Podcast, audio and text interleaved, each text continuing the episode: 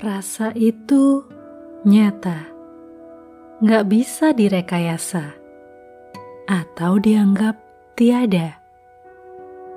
Namun rasa perlu dikelola, dikendalikan, nggak semena-mena diumbar hingga menjadi hambar.